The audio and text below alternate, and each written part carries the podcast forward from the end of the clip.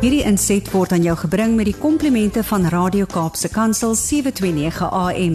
Besoek ons gerus by www.cape pulpit.co.za.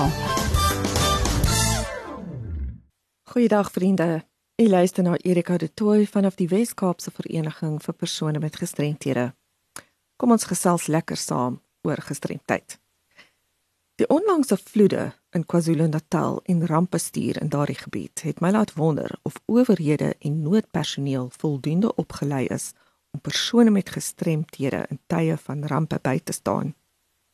Die wetskrif oor die regte van persone met gestremthede 2015 is duidelik oor hierdie onderwerp. Persone met gestremthede het die reg om toegang tot nood- en rampbestuur inligting op 'n billike wyse te verkry. Dit sê verder dat rampbestuurplanne hersien moet word om toegang deur persone met gestremthede te prioritiseer. Ontruimingssentrums moet toeganklik wees en noodpersoneel moet opgelei word om billike en onmiddellike toegang te verseker.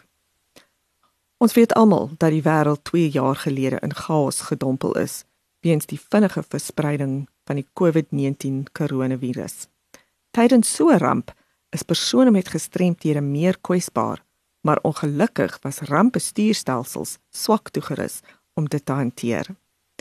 Dit wek die indruk dat persone met gestremthede minder belangrik is as nie gestremde lede van die gemeenskap en dit is beslis nie gerusstellend nie. So waar laat dit persone met gestremthede ten tye van natuurrampe? Met die onlangse COVID-19 pandemie Terwyl almal daarop gefokus was om die verspreiding van die virus te voorkom deur gereeld hul hande te was of te ontsmet, kan mense met beperkte handfunksie of verlamming dit nie sonder hulp doen nie.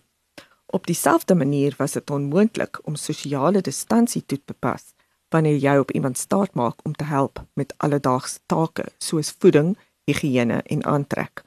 Of as jy in 'n residensiële fasiliteit woon met meer mense as die grootte van 'n tipiese gesin. Wat gebeur dan as jou versorger of familielid die virus opdoen en in kwarantyne geplaas moet word?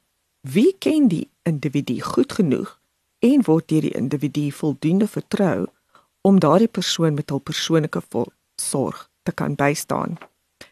Dikwels vereis addisionele gesondheidskomplikasies die gebruik van mediese voorrade wat gewoonlik in tekort het en heeltemal onverkrygbaar kan wees wanneer winkelrakke deur paniekaankope leeggekoop is. Diegene wat blind is of 'n mate van sigverlies het, maak staat op aanraking om die wêreld te navigeer, om te kommunikeer en om te funksioneer in 'n groter mate as ander. Hierdie aanraking sluit in die lees van brail, die gebruik van die leuning op trappe of roltrappe, raak aan supermarkrakke produkte en die totpunt vervoerband raak aan hul gesond die tafel by 'n restaurant hakel hand in iemand se elmboog om te kan volg en vele ander.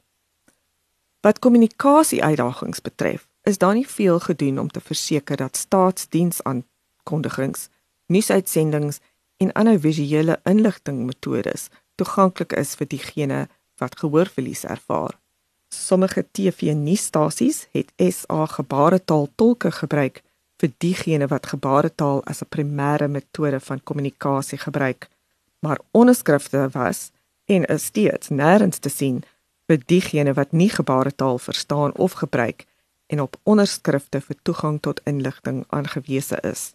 Die meeste bejaardes, een van die hoë risikogroepe, val binne laasgenoemde kategorie persone met intellektuele gestremdheid en diegene met lae geletterdheidsvlakke verstaan moontlik nie die inligting wat verskaf word nie en ekstra sorg moet gedra word om te verseker dat hulle dieselfde boodskap ontvang wat aan die res van die publiek gegee word.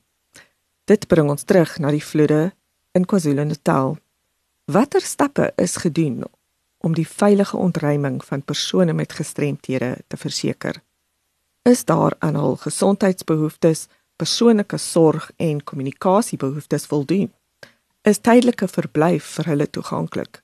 Het iemand seker gemaak dat hulle bewus is van huidige inligting in hul gekose kommunikasiemedium of is dit aan gesinne oorgelaat om so goed hulle kan in die omstandighede te bestuur? Ons by die Wes-Kaapse Vereniging vir persone met gestremthede is deur die stad Kaapstad se ramprisikobestuurspan genader om leiding te gee oor die ontruiming van persone met gestremthede en ons loof hulle dat hulle dit as 'n behoefte erken en stappe gedoen het om dit aan te spreek.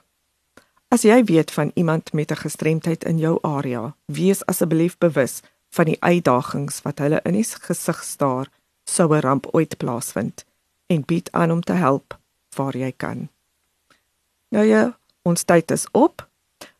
En dit is alwaarvoor ons vandag tyd het, maar stuur gerus enige navrae aan my by awareness@wcapd.org.za of skakel my kantoor by 021 355 2881. Hierdie inset was aan jou gebring met die komplimente van Radio Kaapse Kansel 729 AM. Besoek ons gerus by www.cape pulpit.co.za.